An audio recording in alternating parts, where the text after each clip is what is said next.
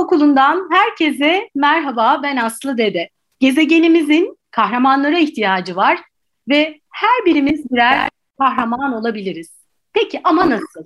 İşte bu sorunun cevabını arıyoruz Sürdürülebilir Yaşam Okulu'nda. Konuklarımız bize yol gösteriyor, harekete geçmemiz için bize esin kaynağı oluyorlar. İşte bugün yine bize esin kaynağı olacak çok değerli bir kahraman konuğum var. Aslında kendisi hekim, genel cerrahi uzmanı, operatör doktor Süleyman Koç bugün konuğum. Ama o hekimlikle kalmamış, e, Türkiye'den kalkmış Afrika'ya gitmiş ve sürdürülebilir yaşam için özel bir proje, Milas Akıllıköy projesinde orada ihtiyacı olan e, topluluklara temiz su, e, gıda ve enerji ihtiyacı karşılanmasına yönelik özel bir proje için e, harekete geçmiş. O yüzden bizim için çok değerli, gerçek bir kahraman. Hoş geldiniz efendim. Hoş bulduk Aslan.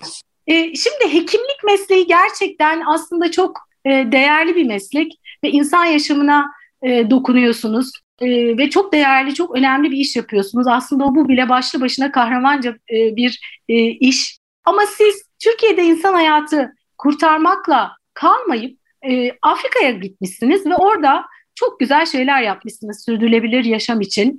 Ama öncelikle biz e, Doktor Süleyman Koç'u tanımak istiyoruz. E, kimdir Süleyman Koç? Öncelikle yeni yıl mesajımla başlamak isterim. Ee, ülkemiz için, dünya için, insanlık için iyi bir yıl olmasını diliyorum. Son birkaç yıldır dünya zorlu bir süreçten geçiyor. Bir anlamda insanlığın doğayla mücadelesinin bir e, sonuçlarını gördüğümüzü düşünüyorum.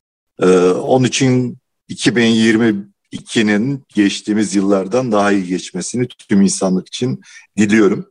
Süleyman Koç 1969 Kahramanmaraş Andırın doğumlu. İlk orta lise eğitimimi Mersin'de tamamladım. Sonrasında Ankara Üniversitesi Fakültesini bitirdim. Ankara'da genel cerrahi ihtisasımı yaptım ve 23 yıldır da Milas Devlet Hastanesi'nde çalışıyorum. Afrika ile nasıl tanıştım? 2010 yılında Sudan'da bir iç savaş olmuştu. O savaş sonrası e, milyonlarca insan Sudan'ın Niyala bölgesinde kamplarda yaşamaya başlamıştı. Ülkemiz Türkiye Cumhuriyeti Devleti de orada bir çadır hastane kurdu. Ben de gönüllü olarak oraya başvurdum ve Afrika ile ilk tanışmam bu şekilde gerçekleşti. Süleyman Bey neden gönüllü olarak başvurdunuz? yani gerçekten hani böyle bir kararı vermek o kadar kolay bir şey değil. Türkiye'den kalkıp böyle bir bölgeye gitmek. O zamanki duygularınız neydi? Bu tabii çok kolay bir şey değil. Yani aslında hepimizin içinde vardır ama yani onu uygulamaya geçirmek böyle bir e, bir anlık karar oluyor. Çoğu insan eminim içinde bu iyiliği, bir şey yapma ihtiyacını hepimiz barındırıyoruz. Ama harekete geçmek bazen işte sadece akılda kalıp harekete geçmekle ilgili sıkıntılar yaşıyoruz. Yani çok özel bir şey değil aslında. Hepimizde olan bir şey. Ben sadece o an gitmeliyim diye düşündüm ve başvurdum. Sonuçta ihtiyaç olduğu için de beni davet ettiler ve gidip iki ay orada gönüllü olarak hizmette bulundum. İki ay 2010 yılında Afrika'ya gittiniz ee, ve sonra evet. döndünüz. Orada tabii çok e, özel bir deneyim olmuştur sizin için. E, neler gözlemlediniz oraya gittiğinizde? İlk önce şöyle bir şaşırtıcı bir şeyle başlayayım. Afrika ile ilgili hep kafamızda oluşan şey şu. Büyük bir fakirlik var, yoksulluk var.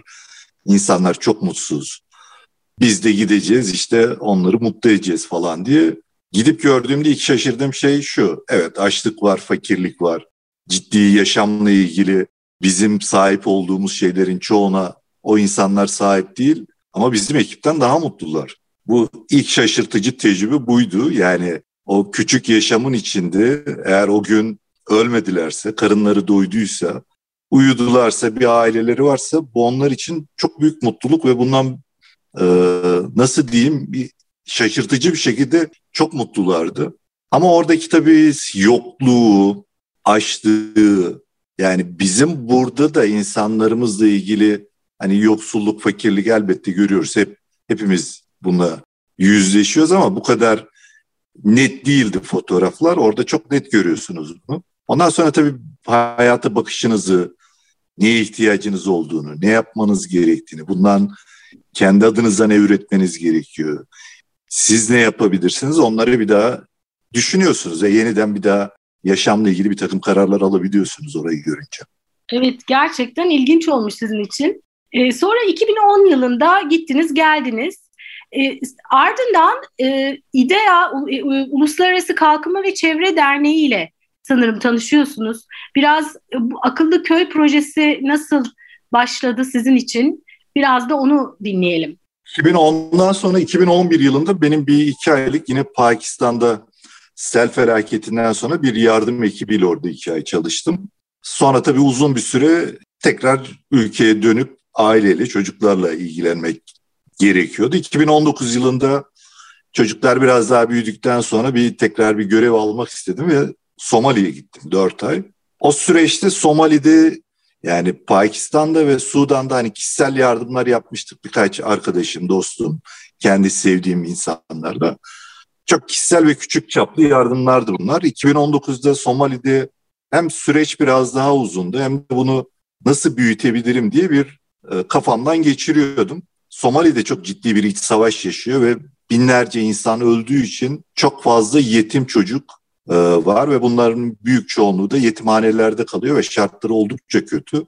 Sonra orada Somali yerel bir çalışanla bir proje hazırladım.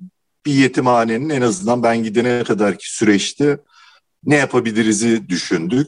Ülkemizde insanların en büyük şeylerinden birisi işte kurban kestirmek. Bazı insanlar da işte su, ekonomik olarak, para olarak yardımda bulunmaya başladılar ve bayağı büyüttük projeyi. Sonuçta bir yetimhanenin iki buçuk, üç aya yakın tüm gıda, yiyecek ihtiyaçlarını karşıladı. Yardımlar biraz daha artınca ikinci bir yetimhaneye de başladı. Yetimhanenin bir takım fiziksel şartları çok kötüydü. Yani tuvalet şartları çok kötü, yatakhane şartları çok kötüydü. Onlarla ilgili biraz iyileştirmeler yaptık. O süreçte biz Hayri Bey'le bir mesajlaşmamız oldu. İdeal Üniversal Derneği'nin ilk tanışmamız o şekilde oldu. Kendi derneğini tanıtan bir mail almıştım. Türkiye'ye döndükten sonra bu projeyi, Somali projesinden çok mutlu olan insanlar vardı yardım edenlerden. Bir yıl geçmeden işte bu sene ne yapacağız diye beni sıkıştırmaya başladılar. ee, bir anlamda şey gibi görüyorum hani ben yardıma ihtiyacı olanla vermek isteyen arasında bir köprü vazifesi kendimi öyle tanımlayabilirim.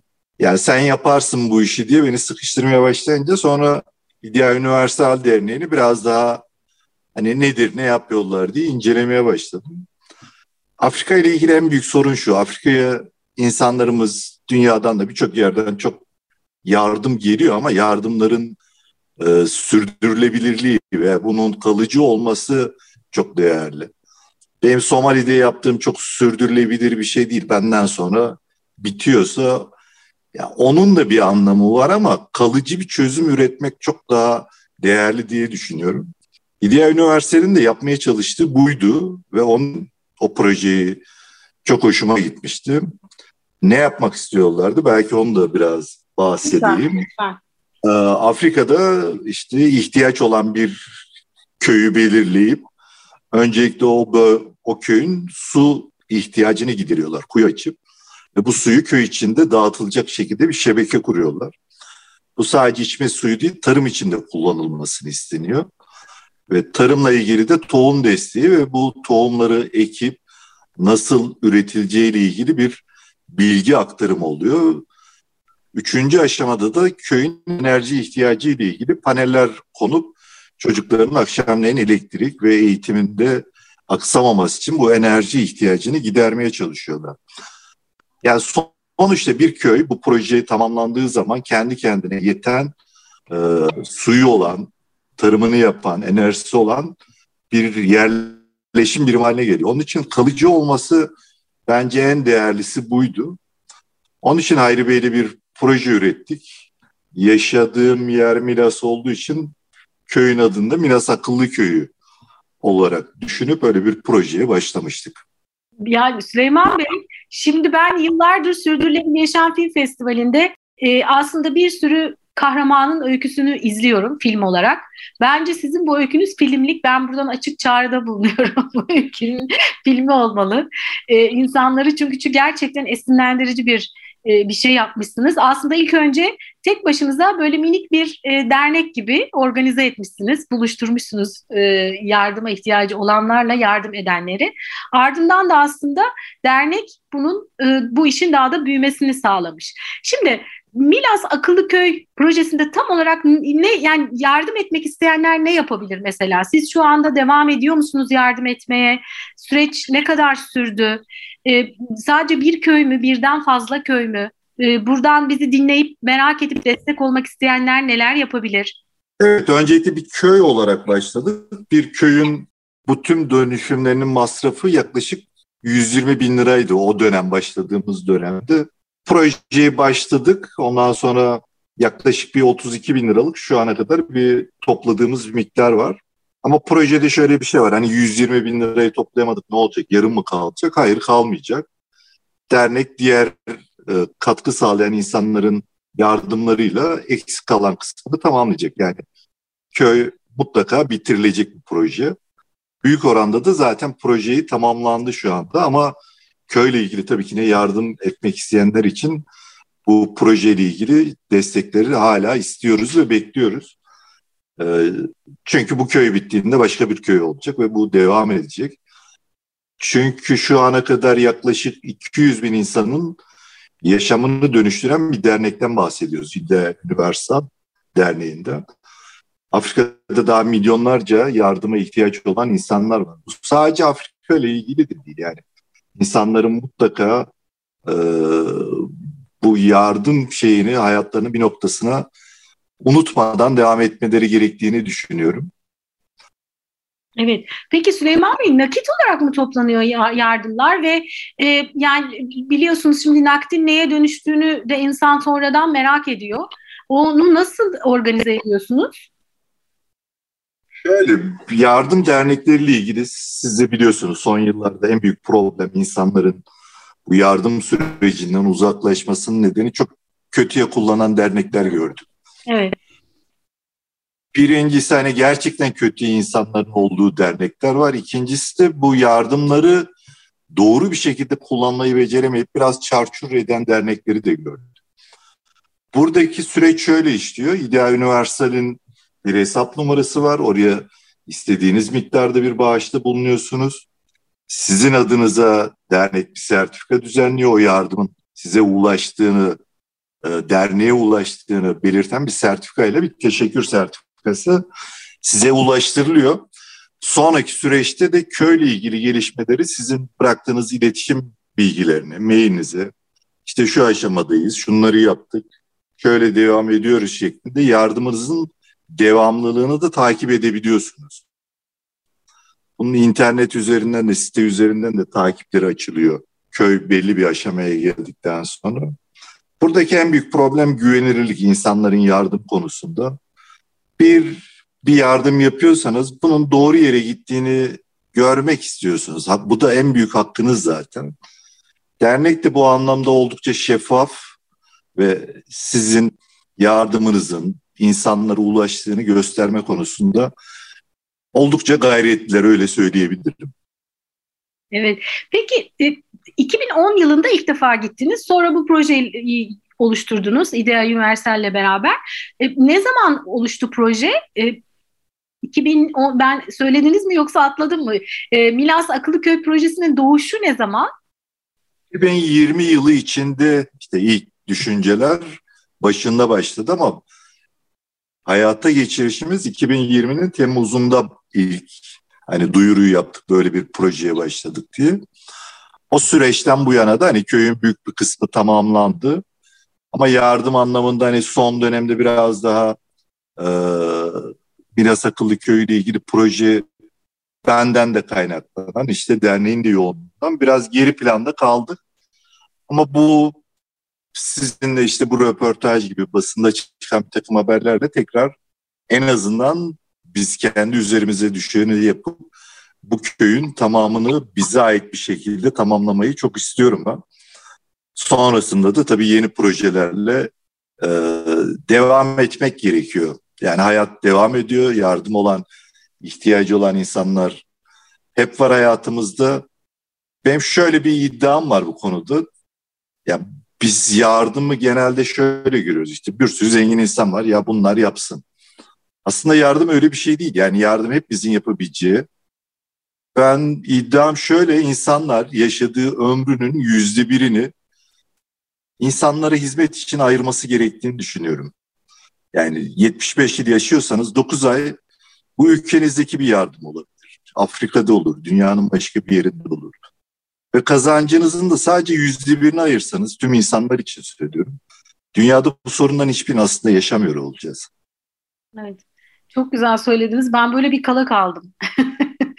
ee, zaten ben basın bülteni bana ulaştığı zaman gerçekten çok etkilendim Süleyman Bey ve bir an önce sizinle konuşmak istedim. Daha sonra Ayri Bey'le de konuşacağız. O da derneğin e, diğer çalışmalarından da söz edecek. E, gerçekten çok güzel bir çalışma ve e, herhalde gidip sonra göreceksiniz de değil mi? Görmek istersiniz herhalde. Neler oldu orada kendi gözlerinizle. Elbette isterim. Ama o bir süreç tabii bu süreci hani ne zaman şu anda ben aktif iş yaşamının içindeyim, ne zaman nasıl bir zaman dilimi oluşturabiliriz? İnsan kendi gözüyle gördüğü zaman elbette daha mutlu oluyor ve şey çok önemli hani görsellik ben Somali'de kampanyayı yaparken her gün insanlara tek tek isimlerini bir video kaydıyla o yaptığı yardımı bir video kaydını alıyordum. Örneğin kurban kestirdiniz. Yani o kesim aşamasını değil ama o, o yardımın der, şeye yetimhaneye ulaşana kadar ki bölümünü, yetimhanede onun nasıl karşılandığını, çocukların tepkisini falan yardımsevere en azından bu kadarını görevim olarak algıladım ve hepsini tek tek ulaştırdım. Aslında çok yıpratıcı da bir süreç yani. Evet. Çok zaman ayırmanız gerekiyor. Ama insanları hani bu bunu bunu görme hakları olduğunu düşünüyorum. Çünkü bir şey yapmışsınız, o mutluluğu yaşamak da sizin en büyük hakkınız diye düşünüyorum. Derneklerin ya da benim gibi aracı insanların da bunu e, insanlara sunması gerektiğini düşünüyorum. O zaman insanlar bir sonraki aşamada daha kolay yardım organizasyonlarına destek olmaktan daha kolay ikna olup ve mutlu oluyorlar. Evet, siz, e, tabii bir hekim olarak e, Süleyman Bey, siz sağlık sorunlarını çözümlemek için oraya gitmişsiniz. Ama tabii ki hekim olarak e, diyorsunuz ki hiç sağlık onların aslında sağlık sorunu yaşamaması için e, suyunu, gıdasını ve enerjisini sağlamasına yönelik gerçekten hani sorunun oluşmaması için kaynağında kaynağına doğru bir e, çözüme yönelik bir proje üretmişsiniz. Gerçekten çok çok çok etkileyici ve e, o demin söylediğiniz o herkesin yardım etmesi gerekir ömründe belli bir süreyi ve bütçesini ayırarak dediğiniz şey aslında sürdürülebilir e, kalkınma amaçlarının 17 tane amacı da anlatıyor ve Birleşmiş Milletler'in de aslında açık çağrısı hem e, devletleri hem sivil toplum kuruluşlarını, yerel yönetimleri ama insanları, bireyleri de aslında harekete geçmeleri için bir açık çağrıda bulundu Birleşmiş Milletler. E, ve 2030'u belirledi hedef yıl olarak da. E, ve sanırım pandemi tabii e, bu konudaki birçok gelişmeyi biraz geriye e, çekti. O yüzden de bu konuda çalışan pek çok kişi aslında biraz üzgün. Ama olumlu bir tarafı var bir yandan da insanların biraz gözünündeki e, o perdeyi kaldırdı sanırım. E, biraz daha anladı insanlar durumun ciddiyetini. E, ve e, Birleşmiş Milletler Sürdürülebilir Kalkınma Amaçları genelde sürdürülebilirlik deyince insanlar sadece iklim krizini algılıyorlar. E, son dönemde gündemimizde de iklim krizi yoğun karbon ayak izi. E, ama e, bu bu aslında 17 tane amaç o kadar güzel belirlenmiş ki bir tanesi açlığa son, diğeri yoksulluğa son, bir tanesi nitelikli eğitim, e, cinsiyet eşitliği. Yani bunlar aslında hep birbirini tamamlayan şeyler. Bir araya geldiği zaman e, aslında daha iyi bir dünya olacak değil mi? Şöyle bir yani cevap vermeyeyim de şöyle bir düşünceyle e, sizi destekleyeyim. Biz hayatı insanların büyük kısmı e, rutin yaşamın içinde sadece kendimiz yakın çevremizdeki sevdiklerimizden ibaret sanıyoruz ama öyle bir dünyada yaşamıyoruz ya da bu bizi uzun dönemde hiçbirimizi doğru bir yere getirmeyecek. Demek ki söylediğim gibi yaşamımızda çok az bir zamanımız, çok az bir e, kazandığımız, ürettiğimiz değeri doğru yerlerle, ihtiyaç sahip olan insanlarla paylaştığımızda O zaman bu iklim krizlerini de belki daha az yaşayacağız. Çünkü daha az tüketirsek, daha az şeye ihtiyacımız olduğunu bilirsek ve bu ürettiğimiz değerleri ihtiyacı olan insanlarla onları uzun kalıcı projelere dönüştürüp onların da yaşamını iyileştirirsek bu yaşayacağımız şeylerin aslında uzun dönemde çoğunu yaşamayıp daha mutlu bir yaşam sürme ihtimalimiz çok daha yüksek. Dünyayı sadece sevdiklerimizden ibaret sanarsak uzun dönemde aslında çok daha derin mutsuzlukların yaşadığını hepimiz kendimizde de çevremizde de görüyoruz. Oysa paylaşıldıkça daha güzel bir dünya, daha sorunlu bir dünya. Hepimiz için daha mutlu bir dünyayı bulmak, ulaşmak o kadar da zor olmadığını düşünüyorum. Sürdürülebilirlik kavramı ile ilk olarak siz nasıl karşılaştınız Süleyman Bey? Şimdi sürdürülebilirliği tek bir hani bir parametreyle tanımlamak çok kolay bir şey değil aslında. Sürdürülebilirlik dediğinizde hayatın yani yaşamın, doğanın, dünyanın, çevrenin, ekonominin her şeyi kapsayan bir kavram. Ben şu açıdan hani sürdürülebilirlikle ilgili yorum yapabilirim. Yardım anlamında sürdürülebilirlik. Demin de İdea Universal Derneği'nden bahsederken benim Somali'de yaptığım yardım sürdürülebilir bir yardım kampanyası değildi. Onun da e, lokal etkileri var, kısa dönem etkileri var insanlara. Orada da kendime şunu e, hep söylemiştim. Yardım ederken evet bu çocukları uzun dönemde belki hayatını değiştiremeyeceğim, bir şey yapamayacağım ama bir tek çocuk bile bu dünyada bugün yalnız değiliz. Ha bizde düşünen birileri var diye yatay giriyorsa o yardım amacına ulaşmıştır diye düşünüyordum. O beni motive ediyordu. Ama Hayri Bey'in ki gibi projeler, İdea Üniversal Derneği'nin projesi insanların yaşamını tamamen dönüştüren, sürdürülebilirliği olan, sonuçta suyunuz var, tarım yapıyorsunuz, enerjiniz var. Bunlarla birlikte artık yaşamınızı dönüştürüp kalıcı hale getirebiliyorsunuz. Bu anlamdan hani sürdürülebilirliğin cevabını bunun üzerinden verdiğimde bu tip projeler çok daha değerli ve anlamlı buluyorum. Onun için de Evet. Ben de bir parçası olmaya çalışıyorum bu projenin. Şimdi Süleyman Bey biz konuklarımıza diyoruz ki e, sizin kendiniz bireysel olarak yaşam biçiminizde sürdürülebilirlik için değiştirdiğiniz yaşam alışkanlıklarınız var mı diye soruyoruz. Aslında siz sürdürülebilirlik için çok büyük e, e, işler yapmışsınız ama her bireyin kendi yaşamında e, yaşam alışkanlıklarında bir değişiklik yapması da aslında bütüne bütünde değişime etki ediyor. Sizin var mı özellikle dikkat ettiğiniz konular? Şöyle 2010'da ilk Sudan'a gittiğimde ne çok yemeği tabakta bıraktığımı o gün gördüğümde çok mutsuz olmuştum. Çünkü oradaki yani o açlığı gördükten sonra tabağınızda yemek bırakmak kadar kötü bir yani bir şeyin olabileceğini düşünemiyorum. Yani siz tabağınızda o çöpe döktüğünüz yemeklerin birçok insanın nasıl diyeyim bulamayacağı, ulaşamayacağı kadar büyük bir zenginlikken bizim onu çöpe atışımız benim için çok şeydi ya bir dönüm noktasıydı. Ondan sonra hiçbir zaman tabağımda yemek bırakmamaya çalıştım. Çok küçük de olsa dünyada tüketimimi o anlamda düzeltmeye, düzgün yönlendirmeye çalıştım. Sonraki süreçte tabii yaşadıkça öğreniyoruz. Ben sadece yardım kampanyaları için gezmedim. Aynı zamanda sırt çantamı alıp dünyayı da gezen birisiyim. Bu anlamda da dünyanın hani birçok yerini de gördüm. Oradaki yaşamları da gördüm. Sonra dönüp gelip baktığımda hep şunu gördüm. Ne çok ihtiyacımdan fazla şeye sahip olduğumu gördüm. Aslında çok da basit yaşam. Biz gittikçe karmaşıklaştırıyoruz bunu. Bu kadar ne çok kıyafete ihtiyacımız var, ne ayakkabıya ihtiyacımız var. Bu kadar çok yiyeceğe, içeceğe ihtiyacımız yok. O anlamda hani gittikçe bu ihtiyaçlarımı sınırlayıp mümkün olduğu kadar azaltmaya çalışıyorum. Çok kolay bir süreç değil. Öğrenmiş bir takım yaşam alışkanlıklarınız var. Ama ne kadar başarabilirsek, ne kadar küçültebilirsek, bunu ne kadar sevdiklerimize, çocuklarımıza öğretebilirsek en azından kendi çevremizden evimizin önünü süpürerek başlayabiliriz buna diye düşünüp elimden geldiğince bu şekilde hani sürdürülebilir yaşamla ilgili kendi alışkanlıklarımı yenilemeye, düzeltmeye çalışıyorum.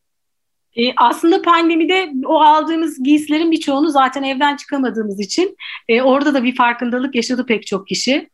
E, e, o, peki e, Süleyman Bey gençler yani çocuklar e, için ne düşünüyorsunuz? Yani onların e, bu konuya ya da yaşam sürdürülebilirlik için yaşam biçimlerinde e, yap, yaptıkları değişiklikler oldu mu? Sizin çocuklarda mesela bu konuyla ilgili bir değişiklik var mı? Onlara da etkiniz oldu mu?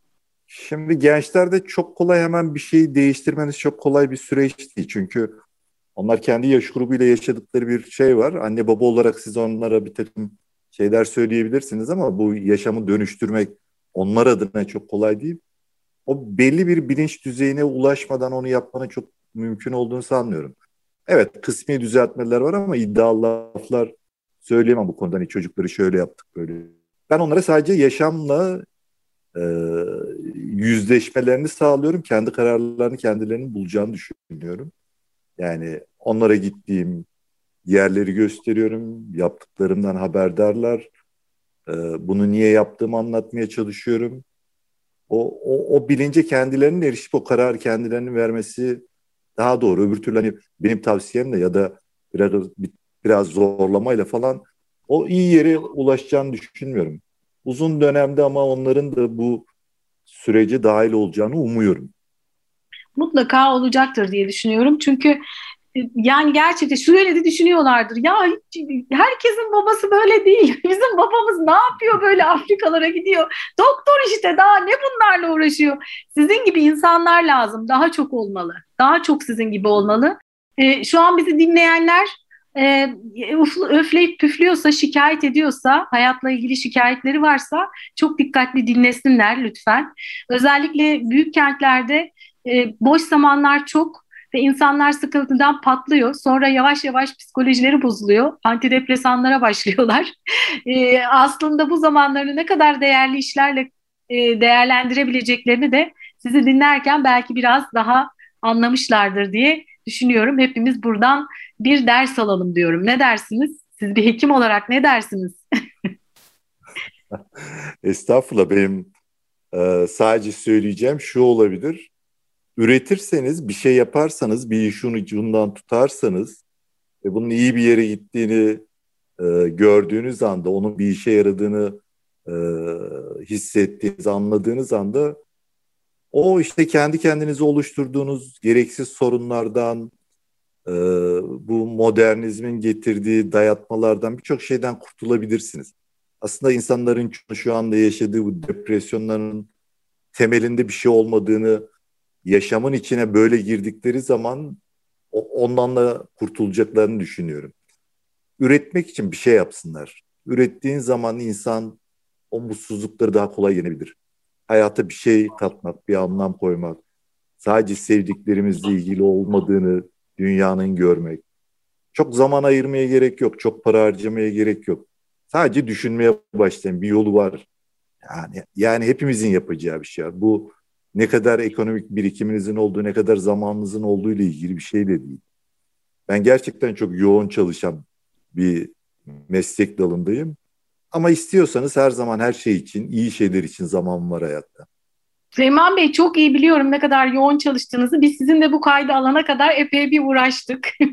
Evet hem zamanınız az hem de bir kere kayıt sırasında bir acil durum oldu. Hekim olarak e, gitmek durumunda kaldınız. Yani o yüzden siz evet. bence çok önemli bir örneksiniz. Ee, yoğun çalışan bir kişi olmanıza rağmen eğer siz zaman yaratabiliyorsanız o zaman herkes yaratabilir diye düşünüyorum. Gerçekten e, çok çok çok teşekkür ediyorum. Peki bir de şunu soracağım. E, diyelim şu anda bizi dinleyenler aslında tabii e, Google'dan bir arama yaptıklarında, arama motorundan e, IDEA Universal, yaz, Universal yazdıklarında ya da Akıllıköy, Milas Akıllıköy diye yazdıklarında mutlaka bir adrese ulaşacaklardır. Ama yardım etmek isteyenler nasıl bir adım atsınlar? Bir de bize onu söylerseniz çok teşekkür ederiz size. Şöyle söyleyebilirim. Zaten İDEA Universal Derneği'nin bir internet sitesi var. Eğer direkt derneğe yardım etmek isterseniz orada bir bağış yap linki görecekler. Oradan bağış yaptığınızda bu oradaki projelerden birisine ulaşacak ve o bağışın ulaştığı yerle ilgili de size bilgilendirme dernek tarafından yapılacak. Ama Miras Akıllı Köyü'ne özellikle hani destek yapmak istiyorum derseniz şu anda onunla ilgili derneğin sitesinde özel bir link yok ama daha önce oluşturduğumuz bir link vardı. Ee, onu ben sosyal medya hesaplarımdan paylaşmıştım. Yakın zamanda onu bir yenilemedik ama bu konuşmadan sonra tekrar bir yenileyip e, kendi sosyal medya hesabımdan da paylaşmayı planlıyorum. E, o link üzerinden tıkladığınızda da o yardım direkt Milas Akıllı Köy projesine ulaşmış oluyor. Aslında çok önemli değil. Yani Milas Akıllı Köyü ya da diğer proje yardım etmek istedikten sonra hepsi çok değerli. Hangisini tercih ederse insanların çok nasıl diyeyim illa miras olması gerekmiyor. Yeter ki yardım edin, bir yerlere ulaştığını bilin. Kendiniz daha iyi hissedeceğinizi düşünüyorum. Evet. Bendeki basın bülteninde şöyle bir bölüm var. Onu da paylaşmak istiyorum. Siz nasıl akıllı köy yaptırabilirsiniz? Ee, bağışçılar akıllı köylerin isterlerse tamamına ya da sadece su, tohum, tohum bankacılığı, güneş kiti alanlarından birini seçerek destek verebiliyorlar. Şimdiye kadar 130 köyün e, dönüşümünü gerçekleştiren İdeal Üniversiteli size destek vererek su ve gıda hayali kuran bir köyü akıllı köye çevirebilirsiniz. Eğer sıfırdan bir proje tercih etmezseniz e, sohbet ettiğimiz genel cerrahi uzmanı operatör doktor Süleyman Koç'un e, Tanzanya'daki Milas Akıllıköy e, projesine de katkı sağlayabilirsiniz diye bir bilgiyi de paylaşmak istiyorum. Peki eklemek istediğiniz başka bir şey var mı? Çok çok teşekkür ederim. Ben gerçekten çok etkilendim. Hem basın bülteni okuduğumda etkilenmiştim. Şimdi sizden dinleyince bir kez daha gerçekten çok çok teşekkür ediyorum. Var mı ekleyeceğiniz bir şey? Ben çok teşekkür ediyorum. Sonuçta sizlerin aracılığıyla insanlara bunların bir şeylerin yapılabileceğini duyurabildiğim için ben ayrıca mutlu oluyorum. Eminim bu programın sonucunda da bir takım insanların kafasında ışıklar yanacaktır, o derneğe gireceklerdir, bakacaklardır, nereye nasıl yapabiliriz diye. Benim insanlara tavsiyem güvenebileceğiniz dernekleri, kişilerden ziyade hani güvenirliği olan derneklerin kalıcı projeleriyle ilgili destek sağlamalarını öneriyorum. Son olarak bunu söyleyebilirim. Çok teşekkürler. Bir bölümün daha sonuna geldik Sürdürülebilir Yaşam Okulu'nda. Bize sosyal medyadan Sürdürülebilir Yaşam Okulu yazarak ya da sürdürülebiliryaşamokulu.com adresinden ulaşabilirsiniz. Ben Aslı Dede. Bir sonraki bölümde buluşmak üzere demeden önce başta ne söylemiştik? Tüm canlılarla birlikte dünyada yaşamın sağlıkla sürmesi için gezegenimizin kahramanlara ihtiyacı var. Ve o kahraman sen olabilirsin. Harekete geç.